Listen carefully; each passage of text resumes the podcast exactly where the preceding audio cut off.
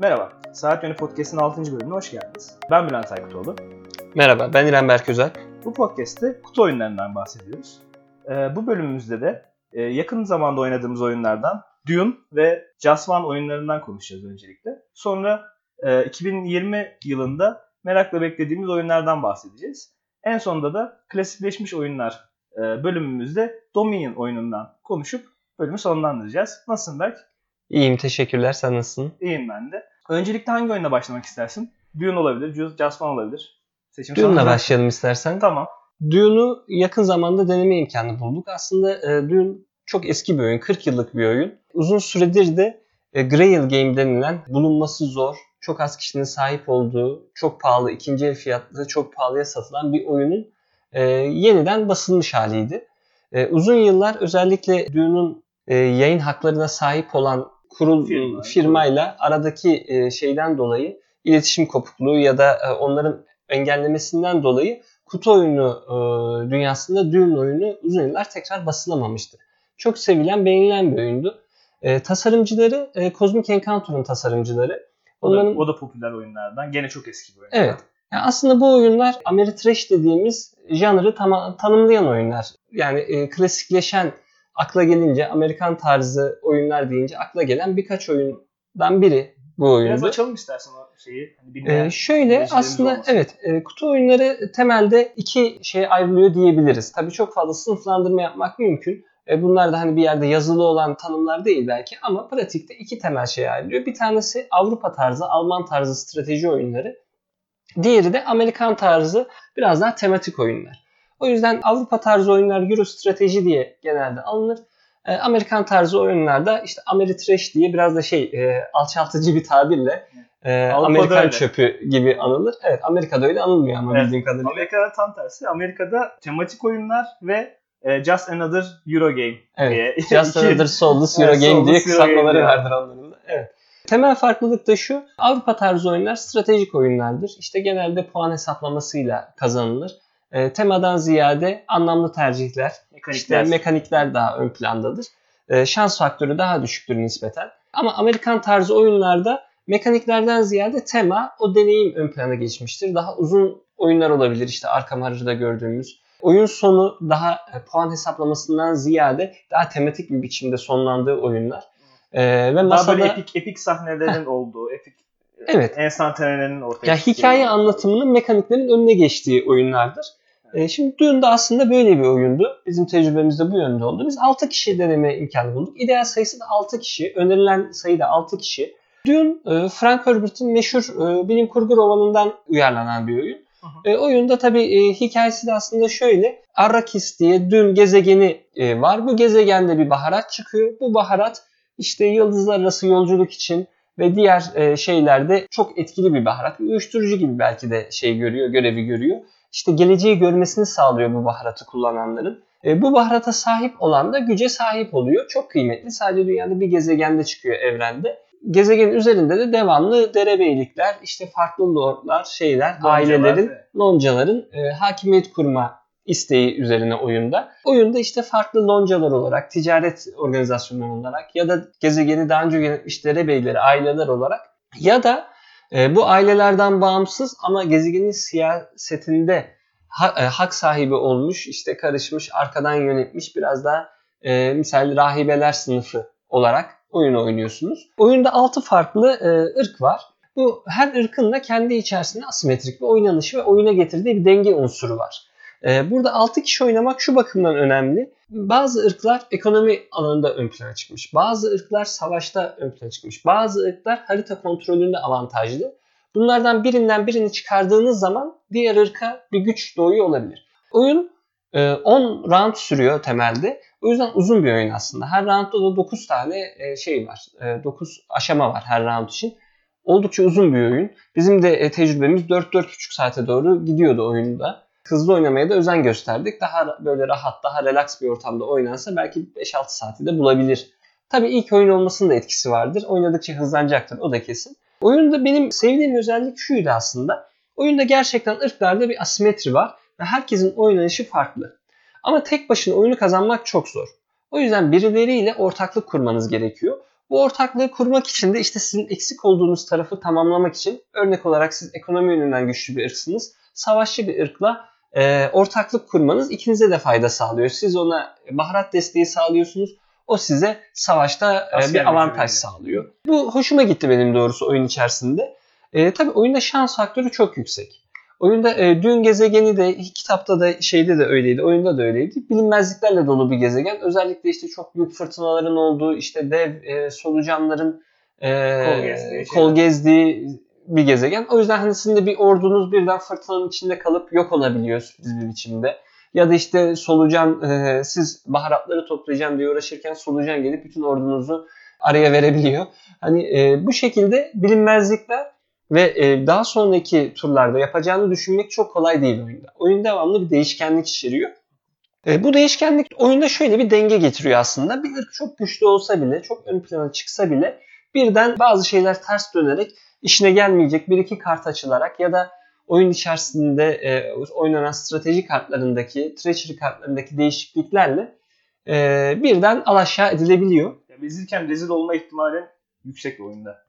Evet. Yani böyle önde gidiyorum diyorsun. Yani bir kazanma şansın var diyorsun. Bir anda her şey tersine dönebiliyor. Evet aynen öyle. Yani oyunda çok fazla strateji ve ileriki turları kurayım, düşüneyim. Daha sonraki tur ne yapacağım, ondan sonra ne yapacağım. Güzel bir e, şey engine oluşturayım, orada devam edeyim izin vermiyor oyun. Çünkü çok fazla değişkenlik içeriyor. E, ve şans faktörü yüksek bu değişkenlikler karşıya çıkarken de. Oyunda sevdiğim bir özellik de şuydu. Oyunda gizli bilgi oldukça fazla. Ee, hem savaşlarda kullanacağınız kartların gizli bilgisi fazla. Hem bir sonraki tur nereye fırtınanın geleceği bilgisi işte fazla. Baharatın nereye geleceği bilgisi fazla. Gene aynı şekilde fırtınanın ne kadar etkili olacağı bilgisi, gizli bilgi. Bu da işte oyundaki bu siyaset, sırttan bıçaklama e, hissini güzel uyandırıyor ve aktarıyor bence. Dune'un e, asimetrik yapısını beğendim. Şundan dolayı beğendim. Herkesin birbirine ihtiyacı var ve oyundaki ırklar bir şekilde kendini dengeliyormuş gibi geldi. E, yani tabii ki ya bazı güçlü ırklar vardır, daha görece daha zayıf ırklar vardır. Onu ya onlar hakkında konuşmam için çok erken ben bir kere oynadım oyunu. Ama birinin işte senin de dediğin gibi ekonomiye ihtiyacı var. Birinin askeri şey. Herkesin birbirine ihtiyacı varmış gibi geldi hı hı. şeyde.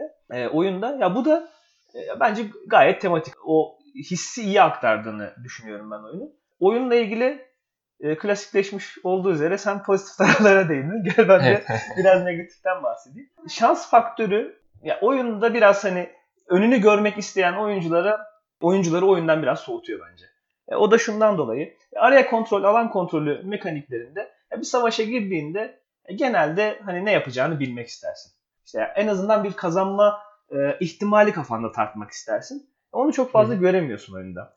İkincisi benim ilk defa bu oyunda rastladığım bir şey kapalı ne olduğunu bilmediğimiz kartlara açık artırma yapıyoruz. Yani hiçbir bilgimiz yok. Ne alacağımızla ilgili çöp alabiliriz ya da işimize çok yarayacak bir lazer silah da alabiliriz. Ya da bir defans kartı alabiliriz. Ama bunu bilmiyoruz. Bunu bilen sadece bir ırk var. Hani belki bu oyunun içerisinde bir dinamik bir e, ekstra özellikle düşünülmüş bir mekaniktir ama onun haricinde ya, tamamen şansa dayalı bir şey. Yani günümüzde ne kadar e, iş yapar, ya bu kadar şans faktörü yüksek bir oyun, bu kadar oyuncuların e, birbirini kontrol etmesinin gerektiği ya da oyunu oyuncuların dengelemesi gerektiği oyunlar günümüzde ne kadar iş yapar, ne kadar yeterlidir? O konuda soru işaretlerim var benim. Yani biraz oyunun eskimiş olduğunu düşünmekteyim Hissettim, şu anda. Yani onu hissediyorum. Şöyle katılıyorum ben de sana. Ee, burada benim de iki mekanik özellikle e, rahatsız etmişti. Dediğin bir tanesi dediğin şey kapalı kartlara açık arttırma yapıyoruz. Yani bilmediğimiz bir şey için açık arttırma yapıyoruz. Ve hani burada e, tabii bir ırk bu kartları bilebiliyor ama o ırkın da bana doğru söyleyeceği, söylemeyeceği ya da hani o ırkın da e, karta baktıktan sonra koyup karışmayabilir yani. Hani yani bilmediğim bir şey için açık arttırma yapıyorum. Yani bu çok anlamsız. Hani almak istiyor muyum, istemiyor muyum diye sorulabilir. Ama bilmediğim şey için ben bir fiyat teklif ediyorum. Sen onun üstüne çıkıyorsun sen de bilmeyerek. İkimiz de bilmiyoruz. Yani niye böyle bir şeye girdik hani? Anlamsız bir yere götürüyor şeyi. Atreides, bir diğer şey de... Eğleniyor sadece. Evet Atreides. evet aynen öyle. Yani o kartları bilen ırk kenardan izliyor. Acaba ne olacak nasıl bitecek. Ee, bir diğer şey de Ee, özellikle e, oyun kazananı ürünlendiriyor. Yani normalde catch-up mekanizması olarak kaybedenin desteklendiği yapılar modern görüyoruz. oyunlarda bunu görürüz. Ama bu oyunda kazanan destekleniyor. İşte kazanan elinde o strateji, stretchery kartlarını tutuyor. Kaybeden bütün kartlarını da kaybediyor. Hani e, ve bütün ordusunu da kaybediyor. kaybediyor. Normalde bazı oyunlarda işte ben rakibe karışmam, kendi işime bakarım, kendim işte güzel e, engine'imi kurarım, kendim puanımı kasarım, kazanırım diyebileceğiniz bir oyun kesinlikle değil. Siz bunu deyip kimseye karışmasanız bile oyunu siz kazanacağınız zaman e, birden 6 kişilik oyun 1'e 5'e dönüp 5 kişi gelip sizin başınıza çullanacak. Bu kesin. Bu da tabii biraz modern kutu oyunları tasarımlarında çok görmediğimiz bir şey. Ama buna rağmen de tematik bir deneyim sundu mu dersen bence tematik Sundu. bir deneyim sunuyor. Ya, tematik bir deneyim sunuyor. O, o kesinlikle. Ona katılıyorum. Ee, bir de oyunda çok fazla bir gelişim de yok. Yani oyun Hı hı. süresi bence olması gerektiğinden biraz uzun. Hı hı. Yani oyunu e, söylediğin gibi 10 round'dan 10 round oynuyoruz. E, 10 roundda ne değişiyor bizim için? 5. Ya rounddan için? sonra aynı Evet, şeyleri yapmaya Evet, başlıyor. aynı şeyleri yapmaya başlıyoruz. Bu da e, biraz sündürüyor. Yani o Evet. sünme hissini veriyor oyunlar. Bunun da sebebi şu bence oyunu kazanma koşulu çok zor. Evet. Özellikle tek başınaysanız 5 tane oyunda kale var. Bunun 3'üne sahip olmanız gerekiyor roundun sonunda. Yani e, 6 kişi e, yani bu şu demek 6 kişi yani 3'ü 4'ü hiçbir şey yapmayacak. Sen de 5 kalenin 3'üne sahip olacaksın. Yani 2 kişilik bir oyunda bu olsa anlarım ya da 3 kişilik bir oyunda bu olsa anlarım ama 6 kişilik bir oyunda yerdeki tüm kaynakların %60'ına sahip olmanı beklemek e, hayalcilik. Biraz şey hayalcilik. Evet geri kalan %40'ı 5 kişi bölüşecek. Hani öyle düşünmek lazım. Ee, bundan dolayı da oyunun uzunluğunun da bir sebebi bu bence. Yani daha kısa olsa bu koşulu muhtemelen kimse sağlayamayacak. Ee, burada belki oyunun short daha kısa varyantları var. Özellikle ittifaklar için daha kısa varyantları var. İşte 2 kişiyken 3 kalenin de yeterli olduğu ya da 3 kişiyken 4 kalenin galiba yeterli olduğu. Çeşitli varyantları var oyunu kısaltmaya yönelik. Ben de katılıyorum. Biraz e, süresi uzun ve gereksiz uzun. Hani aynı şeyleri tekrar tekrar yaptığımız bir oyundu. Evet yani uzun oyunlara karşı şeyim yok. Ee, Bir önyargım yok. Uzun olabilir oyun ama bir gelişim bekliyorum Evet. oyundan. Bunda o gelişim yok bence. Hı hı. Özet olarak belki bir iki kere daha tekrar oynamamız gereken bir oyun. Biz bir de basit kurallarla Hı oynadık. hı. Ee, belki işte advanced kurallarla oynamamız lazım. Hani bir, bir de o tarafını görmemiz lazım oyunu. Yani şimdilik ben biraz şeyim. Ortadayım oyunla ilgili. Evet. Çok Evet. pozitif Yani bakamıyorsun çok görünüyor. yani çok pozitif bakamıyorum. Yani çok çok negatif de değilim yani. O tematik tecrübesi hoşuma gitti. Evet. Ee, ama yani ikimizin de tekrar deneyebileceğimiz hani ortalama Evet e, ben de tekrar denemek isteyeceğim bir oyun. Evet. bir oyun. Ee, diğer oyunumuza geçelim hızlı bir şekilde. Ee, Just One. O da 2018 yılının en güzel oyunlarından bir tanesi. İstersen başlayalım ona. E, Just One oyunu aslında 2018 çıkışlı ama 2019 yılında yılın oyunu ödülünü kazanmış olan bir oyun. Spiel des Jahres ödülünü aldı ve e, bir parti oyunu aslında. Oyun biraz daha kelime odaklı, tabu benzeri, Codenames benzeri bir parti oyunu. Ama bu parti oyununu oynarken bütün oyuncuları e, oyunun içerisinde tutan, e, özellikle bir oyuncuya tahmin yükünü yükleyen ama geri kalan oyunculara da bir sorumluluk yükleyen, işte birbiriyle eşleşmemesi gibi bir sorumluluk yükleyen bir oyun. Çok keyifli bir oyun, çok hızlı oynanıyor. Oyun kendi içerisinde de bir challenge içeriyor. Hani sadece şey değil. Şimdi bazı oyunlar çok keyifli. Örnek olarak ben çiziveri çok seviyorum. Ama çiziverde bir e, şey yok. Hani e, bir hedef de yok doğrusu. Hani çiziyoruz ve gülüyoruz tarzı oyunlar. O biraz daha evet eğlenme üzerine, Evet. eğlence üzerine kurulmuş bir oyun. E, bu oyunda hani bir challenge da var ortada. Ciddi de bir challenge. Yani 12 tane kartlık bir desteniz var. Yanlış hatırlamıyorsam 13 kart mı? 12-13 kartlık bir desteniz var. O deste içerisinde en fazla kartı bilmeye çalışıyorsunuz. Bu da oyunda tekrar tekrar oynama isteği de uyandırıyor. Hadi şimdi 8 bildik biraz daha iyi oynayalım da 10 bilelim, 12 bilelim işte maksimuma ulaşmaya çalışalım gibi bir istek de uyandırıyor. Benim beğendiğim güzel bir parti oyunu. Son zamanlarda da oynadığım en keyifli kelime oyunu diyebilirim. Codenames'in önüne geçti benim gözümde.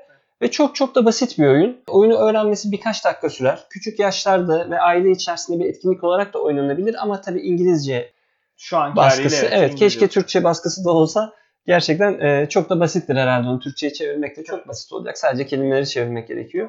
Ya oyunun mekaniğini ben çok seviyorum. Biraz ondan bahsedeyim. Şimdi oyunda sırası gelen oyuncuya, oyuncunun önüne e, bir kart veriliyor ve bu kartlarda yer alan kelimelerden bir tanesini seçmesi isteniyor. İşte bunun 5 tane kelime var. Bir numara söylüyor. 2, 3, 4, 5 artık bir neyse. E, o kelimeyle ilgili bir ipucu veriyor diğer oyuncular. Oyunun püf noktası burada. Biraz kooperatif bir oyun. Biraz değil tamamen kooperatif bir oyun aslında. ipucu vereceksiniz o kelimeyle ilgili ama diğer hiçbir oyuncunun ipucunun birbirine eşleşmemesi gerekiyor. Gizli veriyorsunuz bu ipucuyu. Yazıyorsunuz e, bir kağıdın ya da işte bir oyunla birlikte gelen e, tahtaların üzerine. Sonrasında karşılaştırıyorlar. Önce diğer oyuncular tuşlarını eşleşenler kapanıyor. Ona göre e, ipucu sayısı sabit kalıyor Hı hı. ya da azalıyor. Bu Evet. oyunda aslında şöyle bir şey katıyor. Bu aslında herkesin ilk aklına gelen ipucunu yazmama şeyi uyandırıyor. Biraz daha karışık, sofistike ipuçları vereyim ki daha çok pişti olmayayım diğer oyuncularla diyor. Bu, ama bunun da şöyle bir dezavantajı var. Evet. En basit şeyi belki o ipucuyu hemen bulduracak, o kelimeyi hemen bulacak ipucunu kimsenin vermemesi Kimse başlıyor. Yani Hı. hiç kimse en kolayını, en ilk akla gelen şeyi yazmamaya çalışıyor. Birinin yazması gerekiyor aslında. O riski alması gerekiyor ama e, hiçbir zaman da onu ayarlayamıyorsun. Ve benim sevdiğim şey Just One'da oynanan ekibe ya da o ekipteki bir oyuncu değiştiği anda bile oyun tamamıyla değişiyor. Ya mesela kelime ne olsun? Caz olsun diyelim. Tamamen atıyorum şu anda. Ya da köpek balığı olsun diyelim. Köpek balığı kelimesini bilmeye, e, bilmeye çalışan oyuncunun Jaws filmini izlediğini biliyorsanız siz, o bilgiye sahipseniz ona göre ipucu veriyorsunuz. Yok eğer bu, bu bilgiye sahip değilseniz ya da Jaws filmini ya da işte başka bir benzer filmi Hı. izlemediğini biliyorsan bu sefer artık işte deniz, işte Evet. diş, parçalama böyle tarzı ipuçlarıyla o köpek balığının ulaşmaya ulaşmasına yardım etmeye çalışıyorsun. Bu benim çok sevdiğim bir dinamik katıyor oyuna. Evet biraz Dixit de bu yönde benzeşiyor Hı hı. belki. Dixit'te de hani eğer oynadığın oyuncularda tanıdığın bir oyuncu varsa daha iyi tanıdığın hani onun bileceği sadece onun bileceği ipuçlarına yöneliyorsun. Evet. Bu oyun da ona müsaade ediyor aslında. Evet. Ee, bu arada oyunun tasarımcıları da Fransız ikili Seventh Continent oyunun tasarımcıları. Evet çok benzer değil baktığımız zaman Seventh Continent çok daha farklı türde bir oyun. Ama bu oyunu da çok başarılı buldum ben Evet. doğrusu. Yani çok basit bir fikri güzel bir Harika şekilde işte, oyuna çevirmişler. Ve doğru ekiplerle keyifli bir parti etkinliği, oyunu etkinliği 15-20 dakikada biten e, keyifli bir oyun ortaya çıkarmışlar. Ya benim iki açıdan en sevdiğim oyun Just One. En sevdiğim parti oyunu ve en sevdiğim kelime oyunu açık ara. Yani Codenames'ten de iyi, benzer kelime oyunlarından Decrypto'dan da iyi bence. Harika bir oyun. Evet benim de beğendiğim bir oyun doğrusu. E, keyifli bir parti oyunu. Tavsiye ediyorum ben de. Bu haftanın konusuna geçelim. 2020 yılında e, merakla beklediğimiz oyunlar. E, başta istersen Evet. e, eşleşeceğimizi yani çoğu oyunda eşleşeceğimizi düşünüyorum. Ben de Böyle benim, çok evet, şey çok yapmadık e, ama. benzeş oyunlar olacaktır. Tabii ben biraz daha bu 2020 yılında beklediğim oyunlarda biraz daha Kickstarter ağırlıklı oyunlardan bahsedeceğim. E, belki bildiğiniz üzere Kickstarter'da oyunlar kampanyaları 6 ay önceden, 1 yıl önceden fundlayıp e, destek olup o kampanyalara daha sonra oyun üretildiği zaman bir yıl sonra belki bazen bir buçuk yıl, iki yıl sonra size geliyor bu oyunlar. O yüzden burada bahsedeceğim bazı oyunlar belki 2020 yılında da yetişmeyebilir. Hani oyunların kampanyası 2020'de yapılsa bile e, oyunun üretilip de e, son kullanıcıya ulaşması 2021'e sarkabilir. E, bunlardan hatta bir tanesiyle direkt başlayayım. Oat oyunu. Hı hı. E, Oat aslında 2021'in ocağında çıkacak diye söyleniyor. Şu sıralar kampanyası devam ediyor. İki gün Ee, önce ya da üç gün önce başladı. Çok yakın, evet yakın zamanda başladı kampanyası. Colver'in e, Leather Games ile beraber çıkardığı oyunu. Root bundan bir önceki oyunları bu ikilinin, bu firmayla tasarımcının bir önceki oyunu Root'tu. E, bu oyunda da bir e, gene tablo yapma mekaniği kullanılıyor. Orijinal mekanikleri var. Bir campaign İçereceği söyleniyor. mekaniği içeriyor. Arda arda birkaç oyun oynanabileceği ama bu oyunları oynarken de kişi bağımlılığı olmadığı, oyuncu eklenip çıkartılabileceği, soloda devam edilebileceği bu e, hikayeyi belirtiyor ve tekrar oynanabileceği yani Legacy herhangi bir komponent da içermiyor. E, sadece bir sefer oynayıp hikayeyi gördüğüm gibi bir şey yok. Ve kurallar da değişiyormuş. Kurallar değişiyor. Evet. Aslında oyun temelde şöyle. e, bir kısım bir kişi oyunda asıl e, güç sahibi, diğerleri biraz daha vagabondlar, onu indirmeye çalışanlar gibi görünüyor. E, ve her oyunun sonunda oyunu kazanan bu tahta oturuyor ve ona göre de oyunda ve gittiği yerlere göre de oyunun şeyi değişiyor. Artık oynadığınız kişi ya da indirmeye çalıştığınız kişi değişiyor gibi gördüm ben izlediğim şeylerden e, videolarda. Özellikle e, çizimleri çok güzel. Benim çok beğendiğim çizgi roman vari güzel çizimleri var. Ben o yüzden bu oyunu hevesle doğrusu bekleyeceğim. Tabii bu 2021'e sarkabilir. E, Kickstarter kampanyası da 2021 Ocak'ta teslimat gibi görünüyor. Evet yani Board Game Geek'te de entry'yi yani az önce 2021 baktım, gibi 2021 olarak girmişler. güncellediler. Normalde 2020 oyunuydu. Ee, ya benim de hem yani Root çok güzel bir referans noktası. Ee, hem tasarımcısı açısından hem şirket açısından. Ee, yani benim de çok merakla beklediğim bir oyun. Ben Evet. bir de yani campaign oyunlarını seviyorum genel olarak. Hı. Kural değişimi, bir asimetri. Bunlar hoşuma giden şeyler, öğeler oyunda. Ee, o yüzden benim de merakla beklediğim bir oyun. Evet. Ee, ben de daha hakkında çok fazla bilgiye sahip olmadığımız bir oyundan bahsedeyim. Ee, Ravensburger firması e, Back to the Future oyununu yapacağını açıkladı. Geçen yıl Jaws ve Horrified'la e, intellectual property dediğimiz hani ünlü işte e, Telif hakları. telif evet, haklarını şeyini. satın alıp e, oyunlar yapmaya başladılar. Normalde Ravensburger genelde e, işte kötü komponentleri ve e, kötü şey görselleriyle ünlü bir yani aslında puzzle of firması zaten. miydi? Aslında bir puzzle firması zaten yani çok fazla Evet. bir e, öncelikleri board game değil, kutu oyunu değil. Ama bazı kutu oyunları da çok popülerdi dediğim gibi. Yani Castles of Burgundy bunlardan bir tanesi. E, ama yani geçen yıldan itibaren işte Jaws'un hakkını almışlardı. Fena olmayan, ortalama üzeri bir oyun bence. Öyle bir oyun çıkarmışlardı. Yine Horrified'da e, işte Dracula gibi, Frankenstein gibi işte korku e, kahramanlarını kullandığımız bir oyundu. O da fena olmayan bir oyun. Başarılı bir oyundu. E, o yüzden Back to the Future'da benim en sevdiğim film olduğu için bir beklenti içine girdim. Bu zamana kadar çıkan Back to the Future oyunlarının hepsi berbat oyunlar. İsmini zikretmek bile istemeyeceğim oyunlar.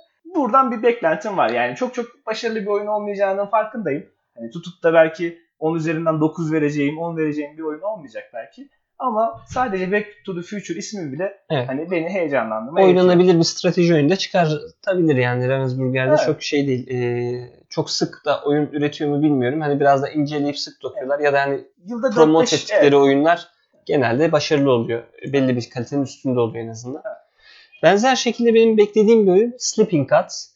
Bu da e, Ryan Lockwood'un Above and Below'la bildiğimiz, tanıdığımız, e, and Far'la. Bildiğimiz, tanıdığımız. O serinin üçüncü oyunu olarak lanse edildi. E, gene bir hikaye kitabı içerecek. Belki gene campaign modu da olacaktır diye tahmin ediyorum. Evet, campaign modu varmış. Evet. E, aslında uzun süre önce bir yaklaşık 6 ay 8 ay önce galiba Kickstarter kampanyası yapıldı. Artık bakalım e, 2020 yılında çıkması, yakın zamanda gelmesi, çıkması bekleniyor oyunun. E, benim de beklediğim bir oyun. O da çok merakla beklediğim oyunlardan bir tanesi. Yani hikaye odaklı oyunları biliyorsun ben Hı hı. çok seviyorum. E, Ryan Lowcat bence üstüne koyarak giden bir tasarım. Aynen yani Above and Below güzel bir deneyim. Yani güzel bir başlangıç dediğim. E, hani çok çok iyi bir oyun olduğunu düşünmüyorum ben. Hı. Ama e, ya apayrı bir janra açtı e, bu Evet. sektöre bence. Near and Far da bence oyun mekanikler açısından Above and Below'un kesinlikle üstüne koyan bir oyun. Hikaye açısından çok çok iyi olduğunu düşünmüyorum onun. Gene tabii diğer oyunlara göre daha iyidir ama çok daha iyi bir hikaye yazılabilirdi. Bence Sleeping Gods'ta artık bu mekanikler ve iyi hikaye bir araya gelecek hı. gibi görüyorum. En azından umuyorum. Başka bir gene hikayesiyle ön plana çıkacak aslında Etherfields oyunu. O da Awaken Realms firmasının geçtiğimiz yıl hatta geçtiğimiz yıl en çok e, da fonlanan oyundu yanlış hatırlamıyorsam Tainted. Kickstarter'da. Etherfields oyunu. Tainted Grail'de gördüğümüze benzer karanlık bir fantazi üzerine geçiyor ve bunda hikaye daha da ön plana çıkıyor. Mekaniklerden ziyade biraz da rüyalar ve diğer şeyler üzerine, kabuslar üzerine bir oyun. Çizimleri, görselleri çok güzel. Ee, oyun zaten e, bu firmanın oyunlarını bilen, takip edenler için üretim kalitesi bambaşka bir yerde. O yüzden hani e, bu oyun muhtemelen 2020'ye damgasını vuracak olan oyunlardan biridir. E, yetiştirebilirlerse tabii zamanda çıkartabilirlerse Heyecanla 2020'ydi sanırım şeyi, o beklentileri. Beklentilerini tutturmaya başladılar ya. İlk çıkan oyunlarında Awaken Realms'ın beklentiler çok fazla tutmuyordu. Oyunlar sarkıyordu ama Tainted Grail'i yanılmıyorsam bir ay farkla ya da işte iki ay İki- farklı. iki, üç ay vardı, evet. Farkla gönderdiler. Awaken Realms firması sadece firma artık oyunu sattırıyor diyebilirim. Hı hı. Çünkü yani boş geçtikleri oyun yok gibi. Bundan önceki oyunları Tainted Grail şahane bir oyun. Nemesis şahane bir oyun. Ee, ondan önceki işte Lords of Hellas yine çok başarılı bulunan Hı bir hı. oyun. Yani gitgide bence şeyin tahtını aldılar. Eskiden işte bu Evet. tip oyunlarda Cool Mini or Not firmasının en iyi olduğunu söylüyorlardı. Artık bence onların Şimdi- tahtını aldılar. e, onlara ayrı bir parantez açalım. Şimdi Cool Mini or Not e, tabii çok e, Yani oradan da popüler. şeye bağlayabiliriz. Evet, Bir an- bağlayabiliriz. Şimdi çok popüler bir firma. E, firmaya da popülerliğini kazandıran oyun benim gözümde tabii Zombicide serisi e, var. O zaten devamlı 3 ayda bir yeni bir Zombicide oyunu çıkartıyorlar. Ama asıl Blood Rage ile Cool Mini or Not kendisine bir yer buldu bence bu şeyde. Blood Rage çünkü o zamana kadar yapılmış en başarılı Kickstarter'lardan biriydi. Oyun çıktığı anda birçok reviewer tarafından çok çok iyi olarak bulundu ve oyundaki e, özellikle o fiyata o ilk çıktığında 60 dolar yanlış hatırlamıyorsam Kickstarter'ı o kadar fazla minyatür şeyler yani yani muazzam bir başarıydı Blood Rage. Çok da benim de çok sevdiğim bir. En sevdiğim oyunlardan biri. Aslında Rising Sun'la e, o serinin devamı oldu. Biraz daha Japon temasına girdiler. Eric Lang'ın tasarladığı. Ve e, bu serinin üçüncü oyunu da Ank'la Antik Mısır temasıyla devam ediyor olacak. E, benim merakla beklediğim bir oyun. Çünkü hem Rising Sun hem Blood Rage'i seviyorum, beğeniyorum ben. E, komponentlerini, masadaki görüntüsünü çok başarılı buluyorum bu iki oyununda. E, Ankh da benzer şekilde Mısır temasında geçecek alan kontrol oyunu. Blood, zaten e, Eric Lang alan kontrol oyunlarında usta gerçekten. Yani bu, e, şu an başlasak belki 7-8 tane başarılı oyunu sayabiliriz. Genel beğenilen oyunu sayabiliriz. Ee, bu oyunda ben hevesle bekliyorum ama tabii Kulminor artık eski Kulminor değil. Özellikle de şöyle bir şey yapıyorlar. Ben bunu hissediyorum. Oyun fiyatlarında ciddi bir aslında enflasyon var. Çok ciddi bir yükseliş var. Önceden işte 60 dolara yaptıkları oyunu önce 80 dolar yaptılar. İşte ilk defa Rising Sun'la 100 dolar seviyesine çıktı. Şimdi 120 dolar seviyesinden satıyorlar oyunlarını. Belki Ank daha da yüksek olacak. Ee, bunu yaparken buna rağmen de oyun fiyatına çok fazla yansıtmamak için örneğin oyun fiyatını 100 dolarda tutup önceden 30 dolara yaptıkları shippingleri şu an artık e, Amerika içinde bile birçok firmanın ücretsiz yaptığı e, kargo ücretini 50 dolar 70 dolar talep ediyorlar. E, özellikle Türkiye gibi rest of world olarak anılan bir coğrafyadaysanız kargo ücretleri 150-200 dolarları bulabiliyor. Ve bunu da önce sayfalarında duyurmuyorlar sayfalarında çok daha pozitif böyle hani 70 dolar, 70-100 dolar arası gibi sonra ben 100 dolara kadar gibi yazıyorlar ama sonra e, Pledge Manager'a girdiğinizde çünkü benim de başıma geldi en son Blood Rage'in ek Kickstarter ekskluzivleriyle alakalı bir tane şey yaptılar. Kampanya. Yani çok ufak bir kutu. 7-8 tane minyatürün olduğu ufak bir kutu için 70 dolar Türkiye'ye kargo ücreti çıktı. Onun üstünde yani hani oradan e, bence para kazanıyorlar. Oradan yani. kazanıyorlar. Ben de buna inanıyorum. Yani normalde onun maksimum olması gereken 30 dolar, 20 dolar, 30 dolar, hadi 40 dolar olsun. Hani aradaki farkı oyunlara yüklemedikleri yani oyun fiyatı insanlar hızlı şey yapsın. E, aynen fanlasın. Girsinler, fanlasın diye. Onu yüklediler. O yüzden buna dikkat etmekte fayda var. Özellikle Cool Milyonlar oyunlarında Evet, Kickstarter yani oyunları ben de. ben de tavsiye edemiyorum. Yani ne kadar e, yurt dışına ancak kargolatma bir çözüm olabilir ki onlar bile çok yüksek. Evet, yani, yurt dışında, yani Avrupa'ya kargolatma bile başka birçok oyuna göre inanılmaz yüksek. Yani yurt dışında Amerika'da yaşayan izleyicilerimiz varsa, dinleyicilerimiz varsa belki onlar alabilirler ama ancak öyle. Evet yani başka türlü ya, e, e, şu hiç, hiç mümkün Çok değil. anlamsız. Ben e, Tainted Grail'in kargo ücreti 30-40 dolar bir şeydi yani Türkiye'ye. Evet. E, bu adamlar da hani dev gibi bir kutu gönderdiler. Şimdi benzer boyutta bir kutu göndereceksin. Yani 200 nasıl, dolar nedir? Nasıl yani evet. 7 katı nedir yani? Hani 2 kat olur, 3 kat olur, 4 kat olur. Ama 7 katı da olmaz yani. Orada evet. bir şey var yani. Bir numara var orada. Ee, benim bir de 2020'de özellikle beklediğim oyunlardan bir tanesi Viscount of the West Kingdom. Söylemesi çok zor, akılda tutması da çok zor. O Viscount e, Kelimesi... şeyin, kelimesini sürekli unutuyorum. Ya şu oyundan bahsediyorum. Evet, evet yani en azından diğer oyunlar daha basitti. Şöyle bahsedeyim. Sean Phillips Raiders of North Sea yani North Sea üçlemesi hı hı. ve artık bu artık yeni, yeni üçlemesi olan West Kingdom üçlemesiyle e, bilinen bir tasarımcı. Çok yani birbirine benzer oyunlar yapıyor. Yani Raiders of New, Raiders of uh, the North Sea çok güzel bir giriş seviyesi worker placement oyunu bence işçi yerleştirme oyunu. Onun üzerine işte Explorers of North Sea, Shipwrights of North Sea şeklinde oyunlar da yaptı. Onları deneme fırsatı bulamadım ama Architects of the West Kingdom'la birlikte de yeni bir üçlemeye başladı West Kingdom üçlemesini. Architects of the West Kingdom'da e, bence Beğenince. şahane bir giriş Hı-hı. seviyesi ve belki medium seviye bir işçi yerleştirme oyunuydu. Paladins of the West Kingdom'da o serinin ikinci oyunuyla biraz daha artık e, ağır oyun sularına girişti hı hı. ve bence yani şahane bir oyun yaptı. Önceki bölümlerde 2019 sıralaması yapmıştık ama şimdiden benim 2019 sıralamam evet. değişti. Paladins of the West Kingdom oraya aldım. E, bence muhteşem bir oyun. E, o yüzden yani o iki oyunun, iki çok beğendiğim oyunun e, referansına dayanarak ben üçüncü oyununda Viscount of the West Kingdom'un e, iyi bir oyun olacağını düşünüyorum. E, oyunun mekanikleri hakkında şu anda çok fazla bir e, bilgim yok. E, ama yani oyun bu yıl sonlarına doğru çıkar diye tahmin ediyorum. Bu yıl sonu olmasa bile 2021 başı olacaktır. Ben, ee, merakla bekliyorum. Ya şöyle bir eleştiri getireceğim bu seriye. Ee, dediğin gibi aslında çok tutarlı, başarılı oyunlar yapıyor ve hepsi belli bir kalitenin kesinlikle üstünde oyunlar yapıyor. Çizimleri de özellikle aslında çok albenili güzel göründü ilk oyunu gördüğümde. Ama diğer oyunlarda çok aynı palet ve aynı çizimle devam ettiği için Evet. hani bu arada çizer çok başarılı bence. Tek başına bir oyuna baktığım zaman estetik buluyorum ama yan yana 3 oyunu koyuyorum. Hangisi hangisi anlamıyorum yani. Evet, Ee, onu anlamayabilirsin. ya burada biraz şey yapılabilir belki yani bir tema yani bir palette değişikliğe gidilebilir en azından yani. Hepsi aynı tonları kullanan yani bir oyunun kartı öbür oyunun içine karışsa ayırt edebilir miyim bilmiyorum en doğrusu. Tekrar nasıl Evet, çözerim bilmiyorum. Ha, yani önüne bakarak çözemezsin yani. Bu da benim doğrusu hoşuma giden bir şey değil ya. Oyunlara biraz kişilik yüklemek istiyorum. Hani bir oyuna baktığım zaman oyunda aklımda canlansın. Görsel Evet. olarak da desteklesin. Sadece mekanikler değil. Bunu istediğim için hani biraz daha mesela temaya uygun, biraz daha mesela birinde biraz daha kirli tonlar, birinde biraz daha Evet. bilmiyorum daha temiz. Paladins'te daha temiz olabilir belki. Şöyle bir şey olabilirdi. Hani Raiders of North Sea ile e, West Kingdom üçlemesi arasında belki bir fark olabilirdi. Yani ben şeyde evet yani. ya ben şeyde olmasa da olur. Hani güzel bir üçleme verdiğini düşünüyorum. İşte Architects ile Paladins'in şeyleri birbirine çok yakın. Hani tonları Evet. yakın, oyun görselde her şey birbirine Hı. çok yakın. O olabilir hani o hani katlanılabilir bir şey. Ama yani North Sea ile e, North Sea üçlemesiyle West Kingdom üçlemesi de birbirine çok yakın olunca evet öyle bir yani sanki adam kabul edilebilir. 300-500 tane çizmiş buna vermiş. Bu da her oyunda içinden 50 Kullanıyor. tane 100 tane seçip kullanıyor hissi uyandırıyor. Hani e, kişilik katmıyor oyunlara. Evet. Ama bu tabii sadece görselle alakalı bir eleştiri. Evet. Devam edelim istersen. Aslında çok oyun var 2020'de beklediğimiz. Ee, benim özellikle beklediğim oyunlardan bir tanesi. Gene yetişir mi yetişmez mi bilmiyorum. Terraforming Mars Dice Game. E, zar oyunu Terraforming Mars'ın. E, Terraforming Mars yakın zamanda Türkçe'ye de çevrildi.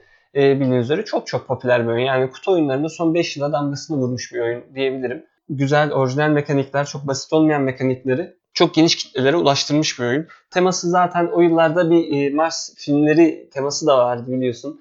Onunla beraber çıkan 3-4 tane Mars oyunu da vardı. Bir tanesi de belki bu yıl e, gelecek. Geçtiğimiz yıl sonuna çıktı. Hı hı. Terraforming Mars Dice Game'de ben zar oyunlarını da seviyorum doğrusu. Hani normalde şey çok pozitif değilim. Hani bir oyun çok seviliyor. Hadi Onun bunu bir de üzerine- e, kartlısını yapalım. Bir de bunun boardlusunu bir de zarlısını yapalım. Ben çok beğenmem. Ama çok çok nadir örnekler haricinde zaten çok Başarılı başarılı, da olmaz. e, ama burada doğrusu şunu e, düşünüyorum. Yani bu tasarımcı ve firmanın da sahibi olan tasarımcının başka oyunu da yok aslında. Yani bu oyuna vakit harcıyor. Devamlı expansion yeni şey üretiyor. Ek paketler çıkartıyor. Yeni content içerik üretiyor bu oyun için. Zar oyununda da hani çok basit şeyleri şu an çıktı. e, prototipleri çıktı. Hani üzerine uğraşıyor yani. Sadece şey değil ya. Şu olsa kesinlikle e, aklıma yapmazdı. Hani birisi de bunun zar oyununu yapsın. Birisi de bunun kart oyununu yapsın. iki kişilik düelini yapsın. Öyle değil. Bu adam gerçekten bu temayı ve bu şeyi seviyor. Ve buna e, buradan daha kaliteli bir şey çıkabileceğini umut ediyorum. E, görmek de demek lazım. incelemek lazım. E, ama benim beklediğim bir oyun. Bu yıl çıkacak yeni bir oyundan şöyle bahsedelim son olarak. Ondan sonra da e, 2020 galiba remake'lerin yılı olacak Hı. diyebiliriz. Çok sayıda senin de listende olduğunu tahmin ettiğim, bende Hı hı. de olan oyunlar var. Benim son olarak değineceğim, gerçi bu da remake olarak düşünülebilir. Time Stories'in yeni iki tane Hı. oyunu geliyor. Time Stories ilk çıktığında çok çok orijinal bir mekanikle, bir fikirle ortaya çıkar. Ondan sonra ek paketlerle birlikte gelişmek yerine, o mekaniklerin üzerine koymak yerine maalesef hem hikaye anlamında hem de oyun mekanikleri e, anlamında geriye giden bir oyun. Son olarak Madam'la da e, işte bu 7 ya da 7 ek paketlik ya da 8 ek paketlik Evet. tam hatırlayamadım şimdi rakamını ama e, bu silsilenin oyun silsilesinin e, sonuna geldiler ve hani bir hikayeyi bir sonlandırdılar E, ve affedersin yani tüy diktiler diyebiliriz. Aslında şöyle Time Stories'e bence bir bölümde ayrı bir uzun bir şey ayıralım. Evet. Çünkü benim favori oyunlarından biri olarak çıkmıştı oyun. Ve çıktığı Bambaşka sene hani Blood Rage'lerle işte e, 2015 çıkışlı. yani çok şey bir oyun yani. Çok benim beğendiğim diğer oyunlarla beraber çıkıp ön plana çıkmış bir oyundu. Nasıl bu hale geldiğine belki bir e, Evet, sohbet yani etmek isteyebiliriz. evet, uzun uzun konuşalım. Hatta ya, ay- ay- ayırabiliriz şeyleri. Evet. Evet. Ayrı ayrı ek, ek paketleri de değerlendirebiliriz. İlk şeyi tamamen kapattılar. E, baktılar olacak gibi değil. Satışlar geriye gidiyor. Herkes oyundan soğumaya başladı. Oyunun reytingleri düştü. Her yeni çıkan oyunun. E, bu sefer mekanikleri tamamen değiştirelim diyorlar.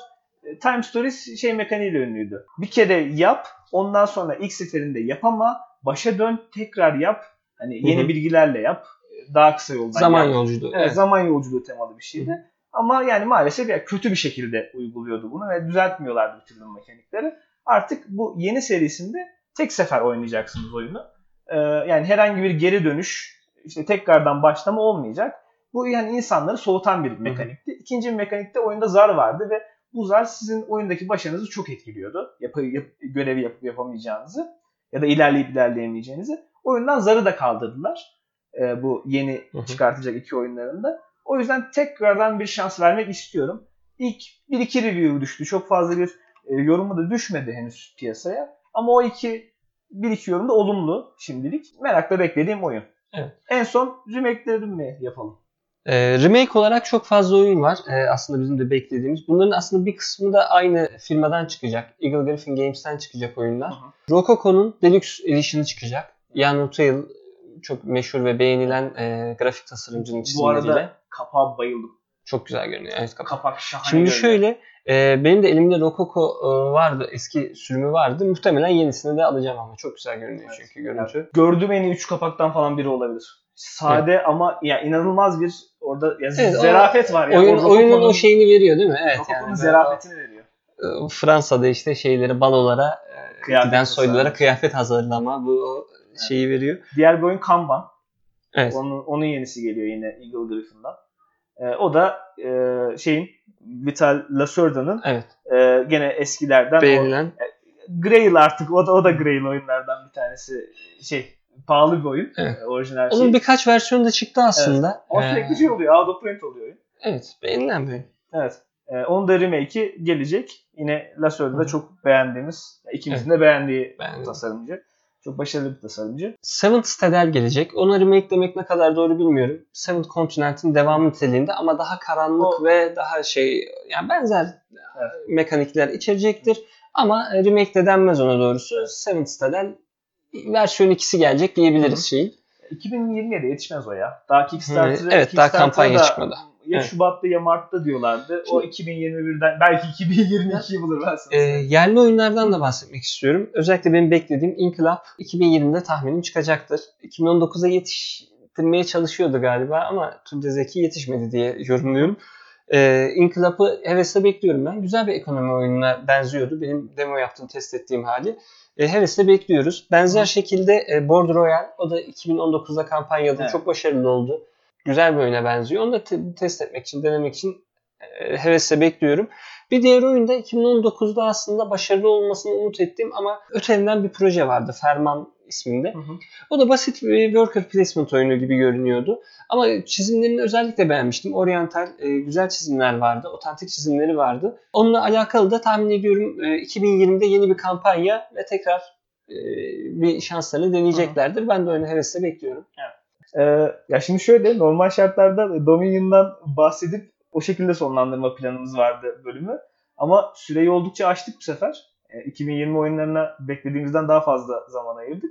Ee, istersen Dominion'ı haftaya bırakalım. Üzerine Olur. haftaya konuşalım. Evet benim de üzerine doğrusu konuşmak istediğim bir oyun. Çok beğendiğim, e, keyifle oynadığım, e, deck building mekaniğini canlandırmış, Kısa- ödüllü, Evet, kısa kıymetli bir oyun. Evet kısa Kısa çok kısa bahsetmek istemiyorum. Biraz konuşmak istediğim şeyleri var Dominion'ın da. Evet benim de. Yani benim de beğendiğim bir oyun. Onu istersen haftaya bırakalım. Daha geniş zamanda konuşalım. Bu haftalık bölümü sonlandıralım.